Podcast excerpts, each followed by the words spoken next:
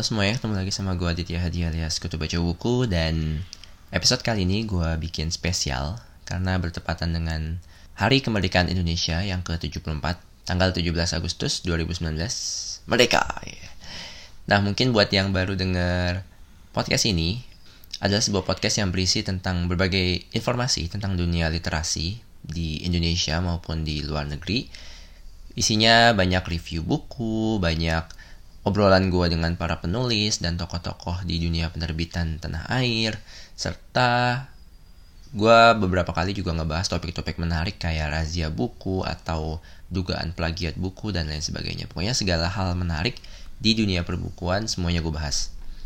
Kalau kalian mau tahu lebih banyak informasi tentang dunia buku bisa juga follow Instagram gue di @podcastbukukutu. Di Twitter juga bisa di @podcastbuku atau buka YouTube gue di bit.ly slash buku kutu. Podcast ini juga bisa kalian dengarkan di Spotify, SoundCloud, Anchor, Apple Podcast, Google Podcast, dan aplikasi-aplikasi podcast favorit kalian yang lain. Dan hari ini gue mau ngebahas, karena ini temanya kemerdekaan ya. Jadi gue mau membahas tentang buku-buku yang teringat di kepala kita saat kita mengatakan kata merdeka. Jadi gue sempet ngelempar pertanyaan di Instagram, di Twitter, kayak ke para follower gue tentang apa judul buku yang kalian ingat kalau kalian kalau ada yang bilang kata merdeka di depan kalian. Terus tanggapannya cukup banyak. Jadi contohnya di Instagram ada dari @desvita underscore as. Ini kayaknya gue kenal deh.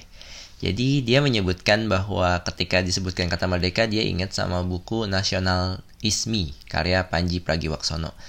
Hmm, gue juga pernah baca buku ini dan buku ini menarik banget tentang ya sisi-sisi nasionalisme dari Panji Pragiwaksono yang sekarang terkenal dengan sebagai terkenal sebagai seorang komedian, stand up comedian, sorry. Yang kedua dari Instagram juga @tbkafka dia bilang kalau dengar kata merdeka dia ingat sama buku Merdeka 100% karya Tan Malaka. Tiga percakap uh, bukunya judulnya Merdeka 100% Tiga Percakapan Ekonomi Politik. Ini sempat diterbitkan oleh Margin Kiri.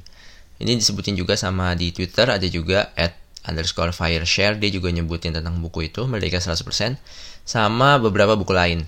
Jadi dia nyebutin ada buku V for Vendetta karya Alan Moore. Ini sempat ada filmnya ya. Dibintangi oleh artis favorit gue Natalie Portman.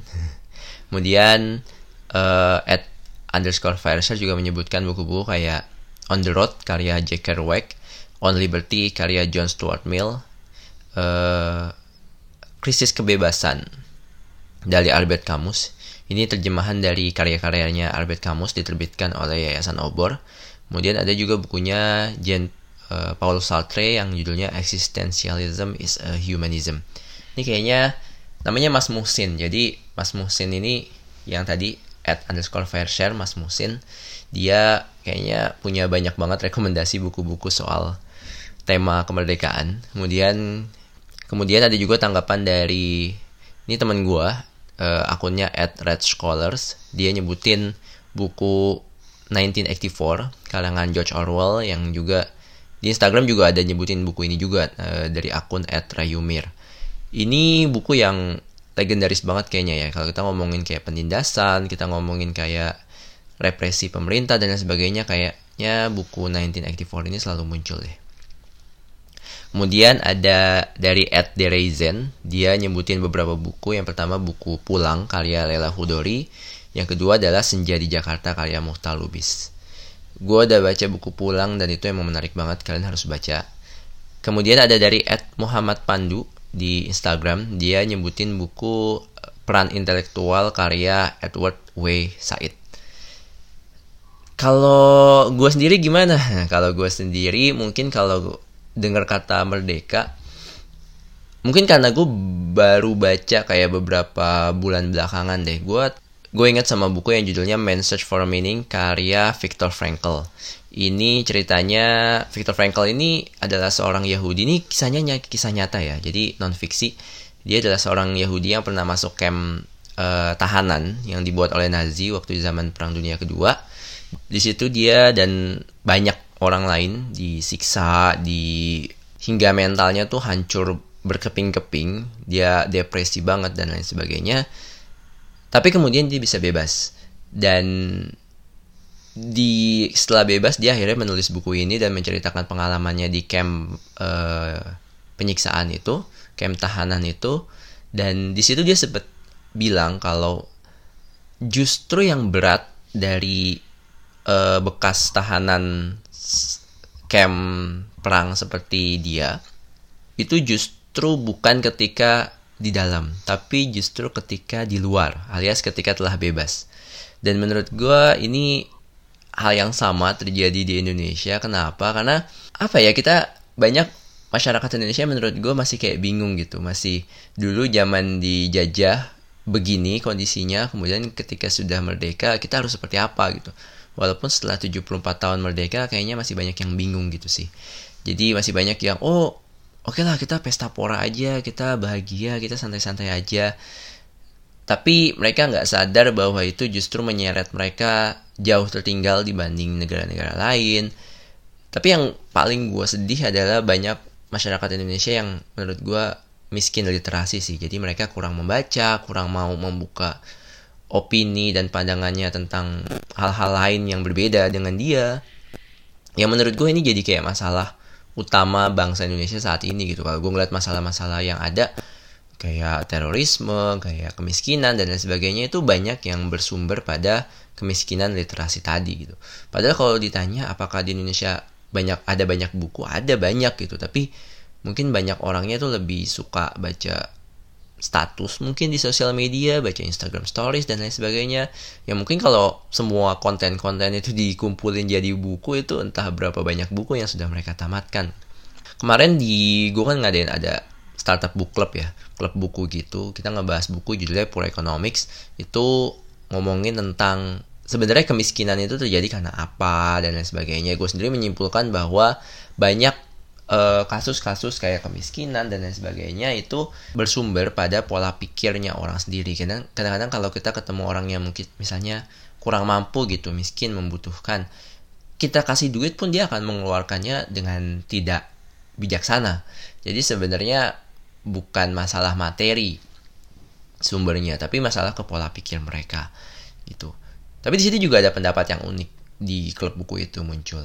Dia bilang kalau Indonesia itu secara akademik mungkin tertinggal kayak ada data dari PISA dan lain sebagainya. Kalau kita secara akademik itu kualitasnya tertinggal lah dibanding banyak negara lain. Tapi secara kebahagiaan Indonesia, orang-orang Indonesia itu justru yang salah satu yang paling tinggi di dunia. Gue hmm, paham sih dengan data itu dan gue juga mungkin mengamini karena orang Indonesia tuh suka ngumpul, suka ngobrol-ngobrol dan di obrolan itu ya udah mereka happy happy aja. Menurut gue nggak ada yang salah dengan itu gitu. Itu kebudayaan Indonesia aja emang yang suka ngumpul, suka guyup dan lain sebagainya. Cuman mungkin yang gue sayangin adalah ketika ngumpulnya itu nggak diisi dengan hal-hal yang bermanfaat gitu. Padahal kalau misalnya ngumpul-ngumpulnya itu wah ngobrolin hal-hal yang mungkin lebih penting Nah itu mungkin akan apa ya jadi kayak diskusinya tuh diskusi oh kenapa kita mesti terbuka dengan pendapat orang lain kenapa kita mesti paham dengan sejarah sebenarnya apa sih yang terjadi di masa lalu Indonesia yang membentuk kita sampai sekarang gitu. Itu ya itu juga sih salah satu alasan kenapa gue bikin klub buku biar ada sarana untuk kayak ngobrol-ngobrol kayak gitu juga. Dan ya apa yang gue lakuin mungkin kecil banget sedikit banget tapi ya gue harap ya daripada nggak ngelakuin sama sekali gitu kan jadi ya udahlah gue lakuin aja. Mudah-mudahan itu bisa at least buat gue dan orang-orang di sekitar gue itu bisa membawa perubahan intinya gitu sih jadi mungkin tadi ya kalau kalian emang tertarik dengan isu kemerdekaan kalian bisa baca buku-buku yang udah gue sebutin di atas. Gue sih harapannya jangan sampai kayak di Indonesia tuh ada kayak isu-isu kayak kemarin ada kasus razia buku atau obrolan-obrolan di media sosial dari tokoh-tokoh terkenal, selebritis, politisi yang seolah-olah mengerdilkan soal literasi dan hubungannya dengan aspek lain kayak ekonomi, sejarah dan sebagainya. Karena harus diakui literasi itu penting sih, karena kalau kita nggak banyak baca buku, kita nggak banyak terbuka dengan pendapat orang lain, kita jadi terkungkung dengan pendapat kita sendiri dan nggak bergerak ke mana-mana gitu. Contoh kayak Bumi Manusia deh, sekarang kan lagi rame ya, baru ditayangin kemarin filmnya untuk pertama kali. Gue rada sedih karena obrolan di kayak kayak obrolan di media sosial tuh lebih banyak ke soal oh kenapa yang meranin Iqbal, Iqbal nanti yang meranin Mingke kenapa Iqbal? Nanti Iqbal bisa nggak sih meraninnya gini-gini. Kan ini uh, karya sastra besar dan lain sebagainya gitu. Padahal ya udah coba deh. Kalian mengatakan bahwa Bumi Manusia ini karya sastra besar gitu. Buku ini populer kalian coba bertanya kenapa itu terjadi? Itu karena dikarang oleh seorang Pramudia Natatur kan? Pernah nggak ada kayak jarang banget gitu obrolan soal oh kenapa Pram di penjara? Sebenarnya pemenjaraan dia itu sesuatu yang benar atau sesuatu yang salah? Dan kalau salah apakah negara Indonesia udah minta maaf sama dia dan keluarganya atau belum? Itu sih. Jadi menurut gue kenapa nggak kita lebih banyak terbuka ngebahas hal-hal kayak gitu dibanding hal-hal kayak oh kenapa Iqbal? Ya maksudnya ya mungkin untuk beberapa orang itu penting gitu cuman harusnya ada hal yang lebih penting di balik itu yang masih menarik untuk kita bahas. Jadi itu sih jadi menurut gue merdeka itu harusnya nggak cuma dimaknai oleh oh kita sudah menang lawan penjajah kita sudah bisa menentukan nasib kita sendiri. Harusnya nggak ke situ gitu tapi kita juga harusnya di setelah merdeka kita juga harus bebas kita harus merdeka lebih jauh dari belenggu kemiskinan literasi yang menurut gue udah menjajah pemikiran kita selama bertahun-tahun kalau kalian mau ngasih saran tentang edit bahas topik ini dong, bahas buku ini dong, review buku ini atau undang tokoh ini dong buat ngobrol-ngobrol di podcast lu, langsung aja reach out gue di Instagram at podcast buku kutu, di Twitter at podcast buku, atau ke Youtube bit.ly slash buku kutu. Podcast ini bisa kalian dengarkan di semua platform podcast favorit kalian, Spotify, SoundCloud, Anchor, Apple Podcast, Google Podcast, dan lain sebagainya. Simply tinggal Google aja podcast buku itu juga pasti ketemu kok.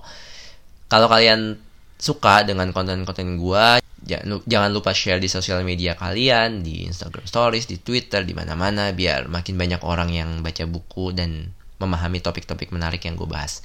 I think that's all for now. Thank you for listening. See you and ciao.